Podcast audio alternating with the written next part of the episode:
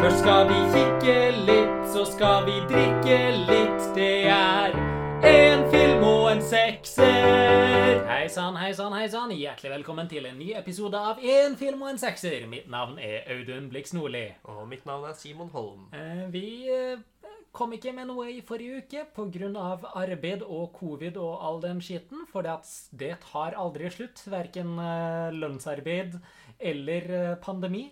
Men vi er tilbake nå, og eh, nå skal vi gjøre noe litt nytt, skal vi ikke det, Simon? Jo, vi har tenkt å prøve oss i hvert fall på et eh, nytt type konsept. Gi oss litt mer retning, litt mer struktur. Ja, for det, det har jo vært veldig gøy å bare finne en film man har lyst til å se, eller lyst til å snakke om og ta seg en øl og prate. Men eh, det hadde vært litt gøy å se litt på lengre linjer eh, og fordype seg litt mer i tematikken. Det gir både en eh, større sammenheng for oss å se på, en større sammenheng for dere å lytte på, og har kanskje også potensialet til å la oss gå litt dypere inn i historiske retninger og forskjellige teoretiske tilnærminger til film. Eh, Så vi tenkte vi skulle gjøre det, og vi starter rett og slett med å se på en eh, subsjanre. For å få en litt eh, sjangerteori, litt filmhistorie, litt av hvert. Litt kos, litt uh, Litt av det meste, egentlig. Eh, og vi starter med noe som står mitt hjerte veldig nært. Uh, noe av det som gjorde meg interessert i film i første omgang, nemlig slasher-filmen. Og jeg tror vi bare skal ta det derfra. Så Simon, eh, la meg spørre, hva slags forhold har du hatt til slasherfilm nå før vi setter i gang med det her? Relativt begrensa. Ja? Eh, Jeg har nevnt tidligere i podkasten at den første skrekkfilmen jeg noen gang så, var jo remaken av Fredag den 13., som ga meg litt avsmak. Mhm, Forståelig? Ja, eh, så Jeg så jo egentlig parodiene før jeg så originalverkene Ja. i denne sjangeren. Så det er egentlig hovedsakelig sånn jeg har blitt kjent med hva som er vanlig i, eh, innen slasherfilmene. Da ikke vi har sett veldig mye slasherfilm. er vi har sett filmer som, som Scream, som eh, Scream Queens mm. og som Cabin in the Woods, som har gitt meg et overblikk over konvensjonene og tropesa og sånt, selv om jeg egentlig den dag i dag har sett ganske få slasherfilmer. Ja, ikke sant? Da kan det hende at du også lærer noe. Det er meget mulig. Hva med deg? Nei, som sagt i introen, så er jo det her noe som står veldig nære mitt hjerte. Altså, en av de første skrekkfilmene jeg virkelig husker å ha sett Jeg så jo ting før det, som eh, Cronenbergs The Fly, for eksempel. Eh, men noe av det første jeg virkelig forelska meg i innenfor film, og spesifikt innenfor skrekkfilm, var jo eh, West Cravens mesterverk A Nightmare on Elm Street. En slasher-klassiker som eh, revitaliserte sjangeren og satte den på en helt ny kurs på midten av 80-tallet. Og siden den tid så har jeg egentlig prøvd å fortære det meste av slasherfilm som kommer i min vei, eh, og har sett en del både bra og dårlig og helt OK. Eh, Det Når jeg har huset for meg selv, så er standarden at jeg kjøper meg noe enkel mat og en sekser med øl og setter meg ned og ser på slasherfilmer som ofte er cheesy og jævlig, men alltid er fantastisk. I tillegg så skriver jeg jo nå bacheloroppgaven min om eh, slasherfilmer, og mer spesifikt en av arketypene og de viktigste tropesene innenfor sjangeren. Eh, så vi kan jo begynne å snakke litt om tropes innenfor slasher-sjangeren. Eh, hva, hva vet du om slasher-sjangerens eh, tropes, Simon? Her igjen så må jeg jo først og fremst belage meg på disse parodiene, for jeg tror de, de er mer representative enn eh, de filmene jeg har sett. Absolutt. Og altså Scream eh, er jo en masterclass i slasherfilm. Altså den første Scream-filmen forteller deg så mye av det du trenger å vite. Mm. Eh, for å forstå teori rundt slasherfilmer. Altså, det er jo bygd på Det virker nesten som det er bygd på Carol Clover, liksom, så Ja. Eh, Du har jo en god eh, opplæring bare gjennom det. Mm. Så vi kan jo begynne bare med den mest overordna strukturen. Mm. eh, som er at vi møter en gruppe folk som én etter én blir drept Mm. av en delvis eller helt ukjent person eller ting. Mm. Og det ender med at den siste personen, gjerne en ung, søt, virginal jente, klarer å overvinne skurken og drepe eller i hvert fall uskadeliggjøre den, og Ja. komme seg unna. Ikke sant? Det er en veldig god oppsummering. Altså, denne gjengen med folk, som regel tenåringer, eh, ofte i suburbane strøk. Eh, dog ikke alltid, du har unntak, men suburbane strøk og rundt universiteter er ganske standard for sjangeren. Det tar det liksom inn dit folk lever, der folk føler seg komfortable, eh, og gjør det til et farlig sted. Eh, vi kan jo gå litt inn i eh, Carol Clover. Hun skrev i sin tid et av de første store, viktige essayene om slasherfilmen, 'Her Body Himself', som etter hvert også ble en del av boka hennes 'Men, Women and Chainsaws'. Og der beskrev hun en rekke elementer eh, som alltid er en del av slasherfilmen som skal til for å gjøre det til en slasherfilm. Du har selvfølgelig morderen, og som du sa, ofte delvis eller helt ukjent. og Det er jo ofte en faktor. I mange av de aller største filmene så er jo eh, morderen maskert. Du har det såkalte Terrible Place. Det her er et sted som bare er urovekkende i og for seg selv, der ofte i hvert fall deler av eh, de mest grusomme handlingene forekommer. Eh, her bringer hun fram eh, Myers-huset i eh, Halloween. Hun bringer fram eh, eh, hun, hun bringer fram kjelleren i, i Nightmare on Elm Street. Hun bringer fram det forlatte huset, eller hun bringer fram huset i Texas Chainsaw Massacre. Dog det kan diskuteres om det er en slasherfilm, så er det et av hennes eksempler. Bare et ukomfortabelt, nasty sted som ingen liker å være, eh, rett og slett. Eh, du har våpnene, eh, som aldri eh, er pistoler. Det er alltid noe skarpt og noe du må komme nær og intim med. Det er gjerne kniver, det er driller, det er machetter, det er motorsager, hva enn det er. Men det er gjerne noe som ikke lager veldig mye lyd, eh, bortsett fra i motorsagens tilfelle.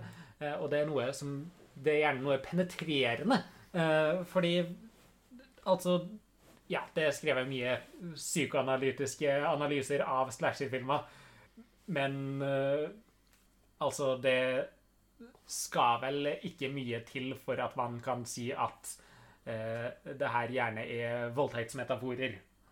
Eh, fordi ja, det for, det unge, gjerne vakre, gjerne kvinnelige karakterer som blir stabba gjentatte ganger av en fyr som de absolutt ikke har lyst til å bli stabba av. Så mye fallossymbolikk, og det tror jeg i hvert fall én av filmene i denne serien eh, har noen veldig tydelige ting på som vi skal snakke om. Du har ofrene, som vi har snakka om. Gjerne unge, gjerne vakre. Uh, gjerne litt rebelske. Uh, I hvert fall brorparten av dem. Eh, som Ja. Det, det, det er gjerne todimensjonale karakterer som spesielt senere ut i franchises er der kun for å bygge opp en bodycount. Ja, de er stereotypiske, og de er også stereotypiske på forskjellige måter. Mm. Det er ikke to av samme, eller det er ikke to som spiller samme rolle i gruppa. Det er alltid, Alle har én funksjon. Ja, du En, har eh, uh, jock, bimbo, nerd, uh, stoner Ja, en del, en del forskjellig. Uh, Mm. Du har The Shock, eh, som Ja, det sier seg selv hva det er. Det er jump scares, det er mordere som plutselig kommer ut og stabber noen eller hugger huet av dem med en machete, et eller annet. Eh, og så har du eh, det siste, og kanskje det viktigste, eh, som er The Final Girl. The Final Girl er hun som omsider kommer ut av det her levende. Hun som enten klarer å komme seg unna morderen lenge nok til at han blir drept, eller, og oftere, det her, hun som går hen og dreper morderen. Og vi, man snakker ofte mye om mordere i slasherfilmer, men Final Girl-karakterene er jo veldig ofte de mest interessante karakterene i de her filmen, filmene, og gjerne de eneste som har noen form for personlighet i det hele tatt. Mm. Eh, og du var jo inne på det her.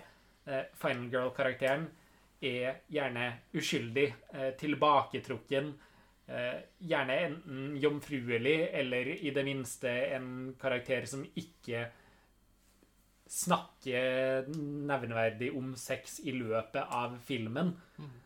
Så er det også Clover som sier at Final Girl-karakteren eh, i slasherfilmer er en stand-in for det unge, mannlige publikummet. Eh, at hun på mange måter er en mannlig karakter som til slutt eh, går hen og finner sin fallos når hun penetrerer morderen i slutten av filmen. Og det kan jo selvfølgelig diskuteres. Vi har eh, i motsetning til Clover så har vi eh, teoretikere som Barbara Creed, som mener det her er bullshit, og heller presenterer eh, Final Girl-karakteren som en kastrerende eh, karakter, på ingen måte en stand-in for eh, et mannlig publikum. Og det her er en diskusjon jeg er veldig satt inn i akkurat nå pga. det arbeidet jeg gjør, men som du kanskje ikke har tenkt nevneverdig på. Nei, ikke så veldig mye. Nei? Den første tanken som slår meg, er at det høres veldig freudiansk ut. Mm, det er det jo. Ja. Det er absolutt eh, Begge de her bygger mye på eh, psykoanalytisk filmteori. ja, og særlig penis envy. Mhm. Så det er jo en eh, nærliggende tolkning, vil jeg si. Men eh, ja, det, som alt av Freud sitt arbeid, så kan man jo både tolke det i mange, mange retninger, og man kan sette store spørsmålstegn ved om han eh, er gal eller ikke. Ja, Så absolutt. Og det her er ikke noe jeg tror at vi skal komme med et svar på nå, men jeg tror at når vi er ferdig, når vi har kommet oss gjennom de her eh, sju filmene som vi skal se i løpet av denne serien, eh, så kan vi komme litt tilbake til det på slutten og ha en liten samtale om hvorvidt vi mener at de her går i eh, Clover eller Creed sin retning, eh, og heller ta det opp på det tidspunktet. Men ja, det er egentlig slasher-filmen. Morder, gjerne maskert, slakte tenåringer én etter én før han omsider blir enten penetrert eller kastrert. Eh, kommer an på din tolkning. Ja, eh, Nøkkelord 'han'. Det er en mann eller Ja. en ikke-menneskelig skapning. Ja. Eh, I 99,97% av tilfellene så er det det. Mm. Eh, og i hvert fall i alle filmene vi skal snakke om nå, så er det det. Ja. Og der røper jeg meg selv. Vi skal faktisk ikke snakke om fredag den 13. i denne serien. Eh, som sikkert kommer til som et sjokk for veldig mange der. Jeg satte opp lista over filmer eh, vi skal se. Og ja, vi kan jo bare ta det nå, skal vi det? Eller skal vi? Ja, vi kan bare ta det, sånn at folk har muligheten til å se de her filmene sammen med oss. Filmene vi skal se nå, er eh, som følger Black Christmas, Halloween, Slumber Party Massacre. Jepp, det er tittelen. Slumber Party Massacre. Gled dere. Eh, A Nightmare on Elm Street, Scream, Fritt vilt og It Follows. Og It Follows er det en slasherfilm, spør mange av dere der ute nå. Om sånn sju-åtte uker så skal jeg argumentere for hvorfor det er det, men det tar vi når den tid kommer. Fredagen 13. er ekskludert, og det er gjort både fordi at vi har gjort en episode der vi snakker om remaken og også trekke fram mye fra den gamle filmen. Samtidig så må man sette en grense på et visst antall filmer. Vi skal ikke holde på med det her i et halvår. Nei, ja. Eh, man, vi kunne jo ikke bare snakke om de største klassikerne heller. De, vi, vi kunne ikke det. Nei.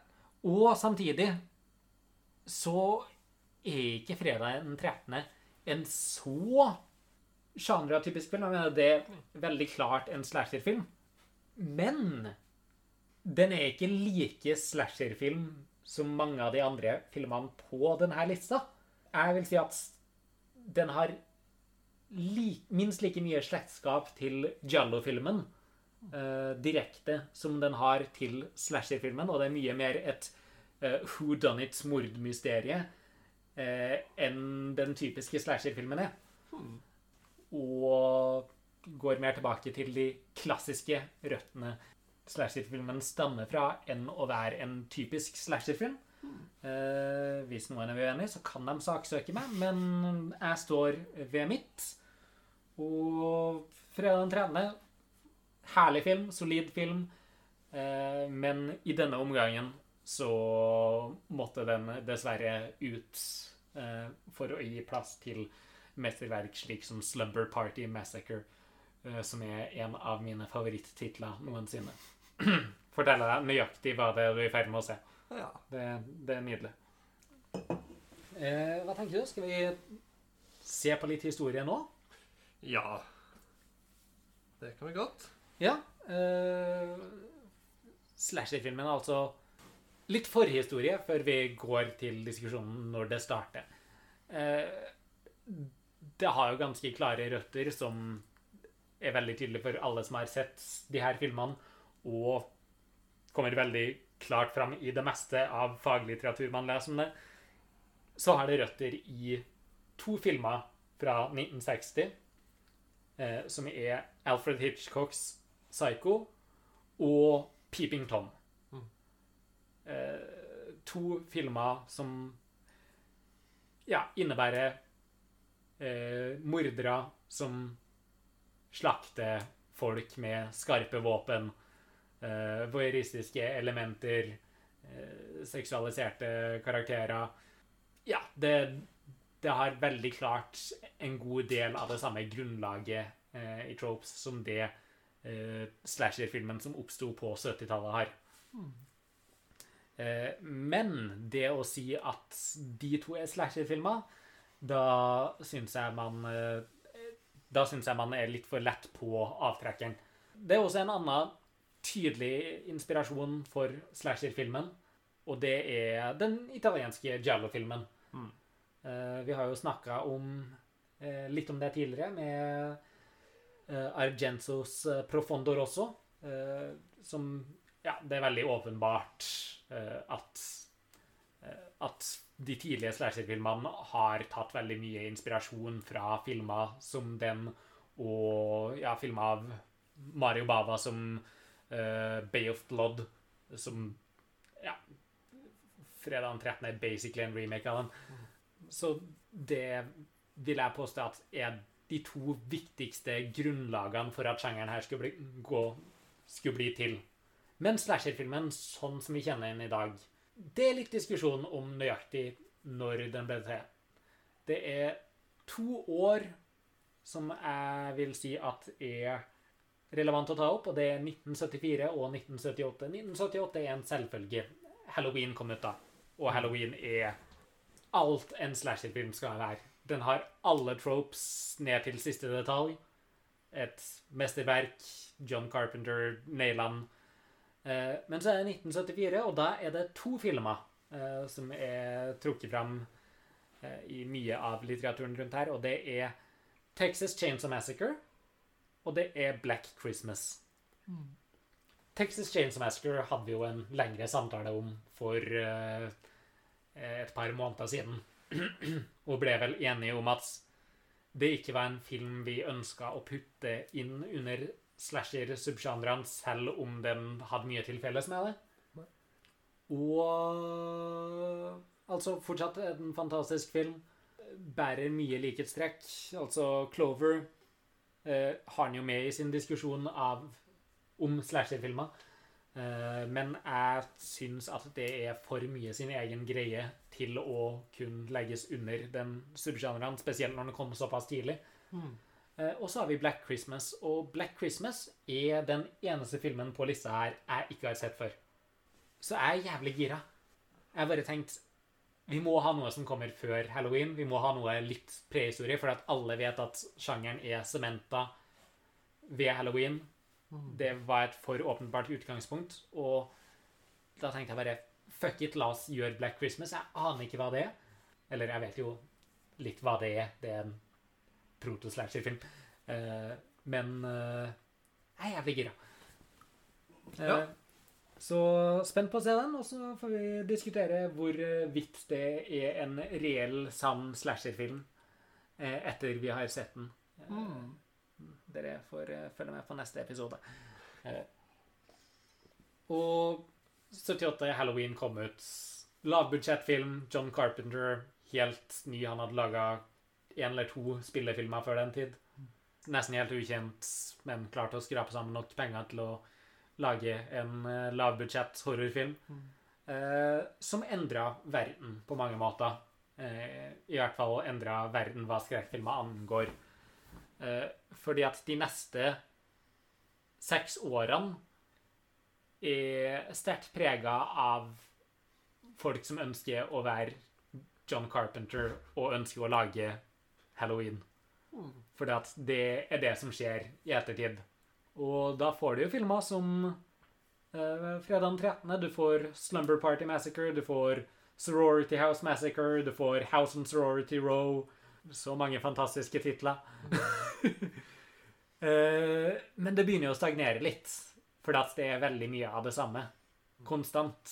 Det er en maskert morder eh, som går rundt med en skarp ting og dreper vakre tenåringer. Eh, som Det slutter aldri å være underholdende, men etter hvert så slutter det å være så jævla interessant. Eh, men alt det her skal endre seg i 1984, når en herremann ved navnet Wes Craven slipper sin film A Nightmare on Elm Street. Og her blir sjangeren revitalisert. Fordi at nå begynner vi Jeg sier ikke at Craven var den første som gjorde det, men det var liksom den første store. Her begynner vi å få inn overnaturlige elementer til det her. Du, du får inn en, et større tillegg av humor i det. Du, du får en morder med en personlighet eh, i Freddy Krueger. Du får et helt drømmeunivers å bevege seg inn i. Virkelighetsplan på forskjellige nivåer, liksom. Eh, og da skjer det samme igjen som hadde skjedd seks år tidligere. En haug med filmer som prøver å etterligne det. Og det får lov til å gå og gå og gå og gå.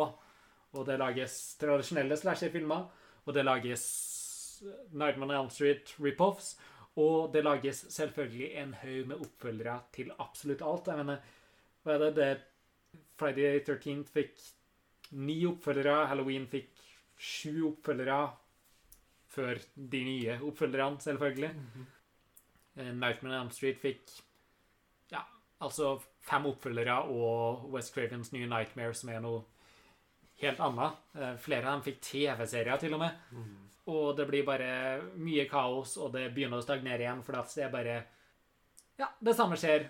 Alle prøver å lage den nye Nightmare on Elm Street, og noen prøver å fortsette å lage den nye Halloween. Og det er ikke så jævlig mye interessant som skjer i alle de forsøkene på det. Nei, og noe av problemet her er jo at det ses på som en lett og billig måte å tjene litt penger på.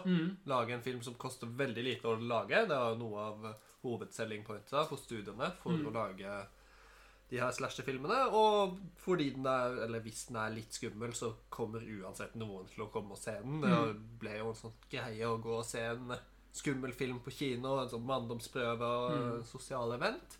Som gjorde at kvaliteten hadde ingenting å si. Ikke sant? Fordi de tenkte det var ikke derfor publikum kommer. De kommer for å kanskje skvette litt og vise at de er litt tøffe. Ikke sant? Og herlig, herlig date nights når du tar med noen på date på en, Ja, ja, eh, på en sleazy skrekkfilm. God unnskyldning til å holde rundt noen. eh. Mm. Så det var jo perfekt. Kommersielt uh, genialt. Ja. Men uh, ja, kunsten i det stagnerte jo, og det gjør det etter hver nye bølge med ting som gjør, gjøres. Så West Craven fant ut at nei, nå får det være nok. Så nå skal jeg lage slasherfilmen som skal ende slasherfilmen. Så i 1996 så kommer West Cravens nye mesterverk ut, Scream. Og Scream gjør jo det at den tar slasher-filmen og bare sier at det her er etablerte ting. Alle kjenner til tropesene, alle vet hva som skjer, alle kjenner til rekkefølgen i historien. Og det gjør de her i universet også. De vet hva faen det er som skjer. De vet hva som kommer til å skje i neste scene, neste akt. Eh, og de kommer med et kommentarspor til filmen som utspiller seg rundt dem, basert på sin filmvitenskapelige eh, kunnskap. Så det er jo filmen som er enhver filmnerds våte drøm. Og man skulle jo tro at nå har West Craven naila det to ganger, og nå gidder ikke folk å prøve mer. Men Men hva skjedde etter Halloween og Nightmare on Elm Street? Jo, det kom bølger med etterlignere. Og det sam- samme skjedde med Scream, merkelig nok. Eh, du, du får en rekke med filmer eh, som I Know What You Did Last Summer og Urban Legend og ting som prøver virkelig hardt på å være et kommentarspor på det som skjer, og skal leke med tropes og elementer og sånn. Og det funker til varierende grad. My mye trash, litt gode ting her og der. Eh, også eh, interessant ting som skjedde på 90-tallet, var at det var, ble mye mer vanlig å kaste faktisk store og kjente skuespillere i slasherfilmer eh, med allerede etablerte karrierer. Eh, som igjen gjorde at de her filmene hadde mye mindre sex og nakenhet.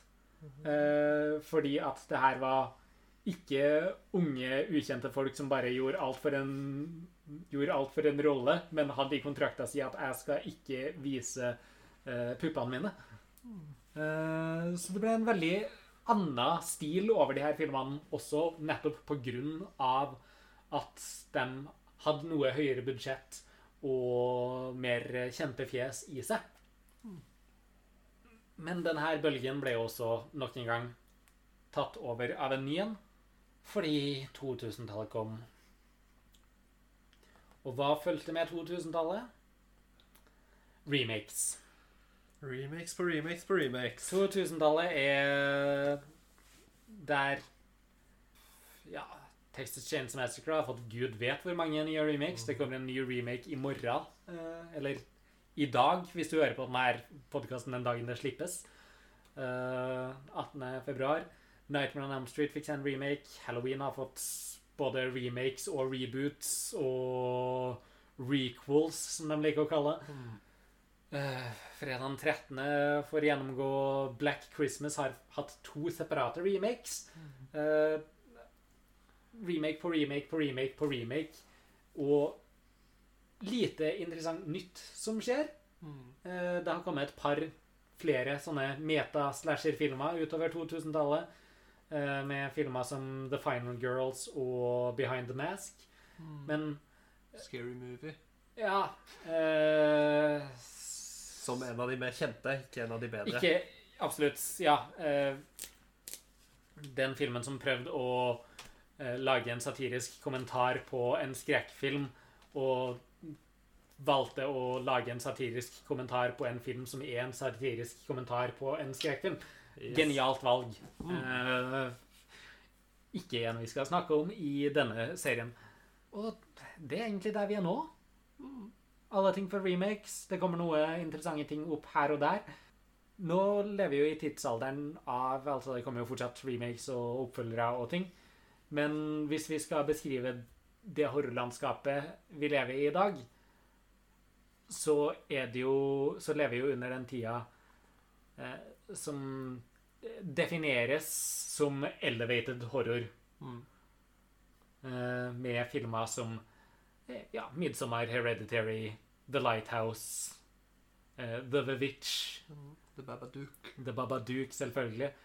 Uh, og jeg lurer på om det her er noe som kommer til å tas opp i slasher-filmen. Mm. Kommer tida framover til å by på elevated slashers? Ja, det er Det er jo mulig, men noe av En av grunnsteinene i denne elevated horror-bølgen er jo at de, som eh, navnet tilsier, skiller seg fra etablerte horror tropes. Mm. At de prøver å være noe mer enn bare i anførselstegn en skrekkfilm. Mm. Eh, og derfor blir det jo automatisk vanskelig å skulle føye seg til til slasher-subsjangeren. Fordi den har veldig satte regler som man må følge, ellers så er det ikke en slasherfilm. Og da er Mm. man ikke med i den debatten. Og at det kanskje mer enn noen annen subsjanger er, blir sett veldig ned på som billig og eh, oppbrukt Mm. lite rom for kreativitet og uttrykk. Så jeg håper det skjer. Mm.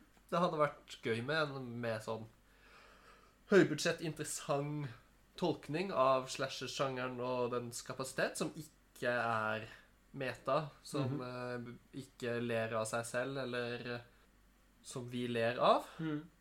Men eh, ja, vi får se. Det er jo alltids lov å håpe. Ja, Eh, jeg tror uansett ikke det blir en bølge. Det kan hende det kommer én eller to. mm. Så kommer sikkert mange til å prøve å recreate de, hvis de har suksess. Og så gjentar historien seg på Yes. som den alltid gjør. Eh, og jeg gleder meg til alt av det. Ja. Jeg er spent på Stashir-filmens framtid. Jeg er spent på hva det har å by på. Uh, og jeg er spent på å se eh, hva vi får ut av eh, det her, den her nye tweaken i konseptet. Ja. Uh, og før, før vi avslutter denne lille introepisoden, så har jeg bare ett spørsmål til deg. What's your favorite scary movie? Eh, en liten referanse til Scream der, altså. Men hva er Har du noen favoritter innafor slasher-sjangeren?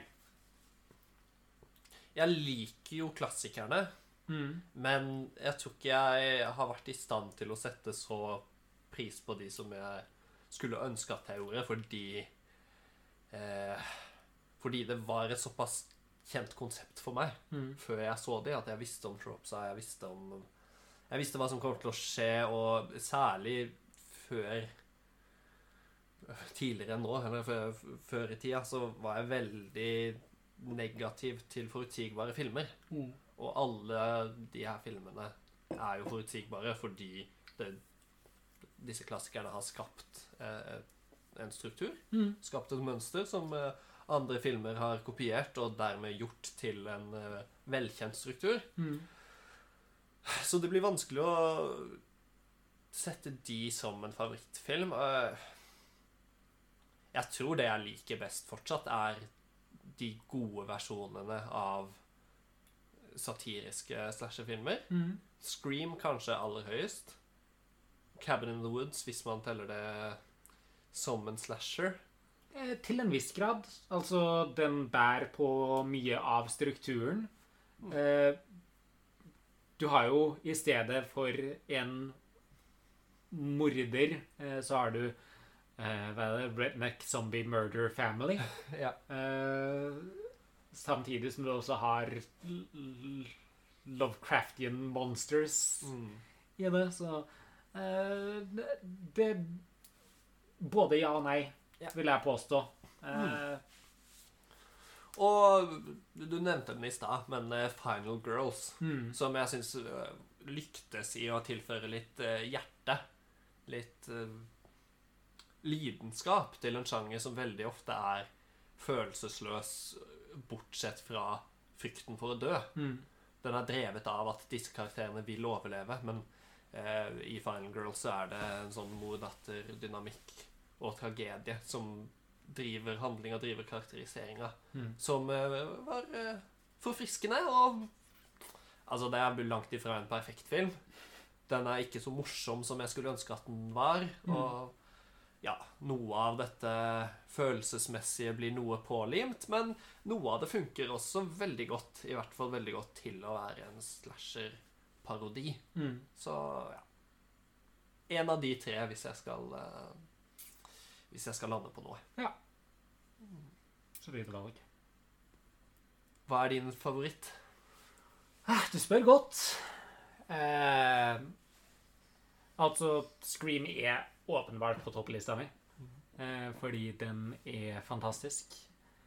Eh, Men jeg tror nok at hvis jeg skulle valgt én favoritt, så er jeg nødt til å gå til Nightmare on Elm Street. Kanskje Nightmare on Elm Street 3. Uh, muligens en av de to. Eh, bare helt utrolige filmer som gjorde helt nye ting som aldri hadde skjedd før innafor sjangeren. Eh, så det, det, det tror jeg der jeg må, må plante flagget mitt og si at on Elm Street 1 eller 3. Mm. Uh, og så kan filmer som Halloween og Scream komme ganske kjapt etter det. Ja. Men uh, det, det er nok Det er nok dem jeg må gå for. Ja. Uh, men altså ja, West Craven slasher-filmer generelt er vel Mm. det man må si. Ja. Jeg vet ikke. Har du noe mer å si om slasher-filmer, eller det vi gjør, eller hvordan du har det? Nei. Nei? Ikke sant? Ingenting på hjertet. Da tror jeg egentlig bare kan runde, runde det av her. Veldig annerledes episode i dag enn det vanligvis er. Men eh, neste uke så er vi tilbake til å se dypt inn i én film igjen, og kommer til å gjøre det en stund. Eh, rate og review podkasten. Følg oss på Twitter og Instagram. Eh, jeg er litt skuffa etter forrige episode over at vi ikke har fått noen requests for fotbildet ennå. Ja. Det, det er skammelig, egentlig. Eh, men altså, tilbudet står der fortsatt. Så ja. Det, det, det ligger der ute. Jeg vet faen. Eh, takk for oss. Neste uke skal vi titte på Black Christmas, og jeg gleder meg som bare faen. Skål, Simen. Skål.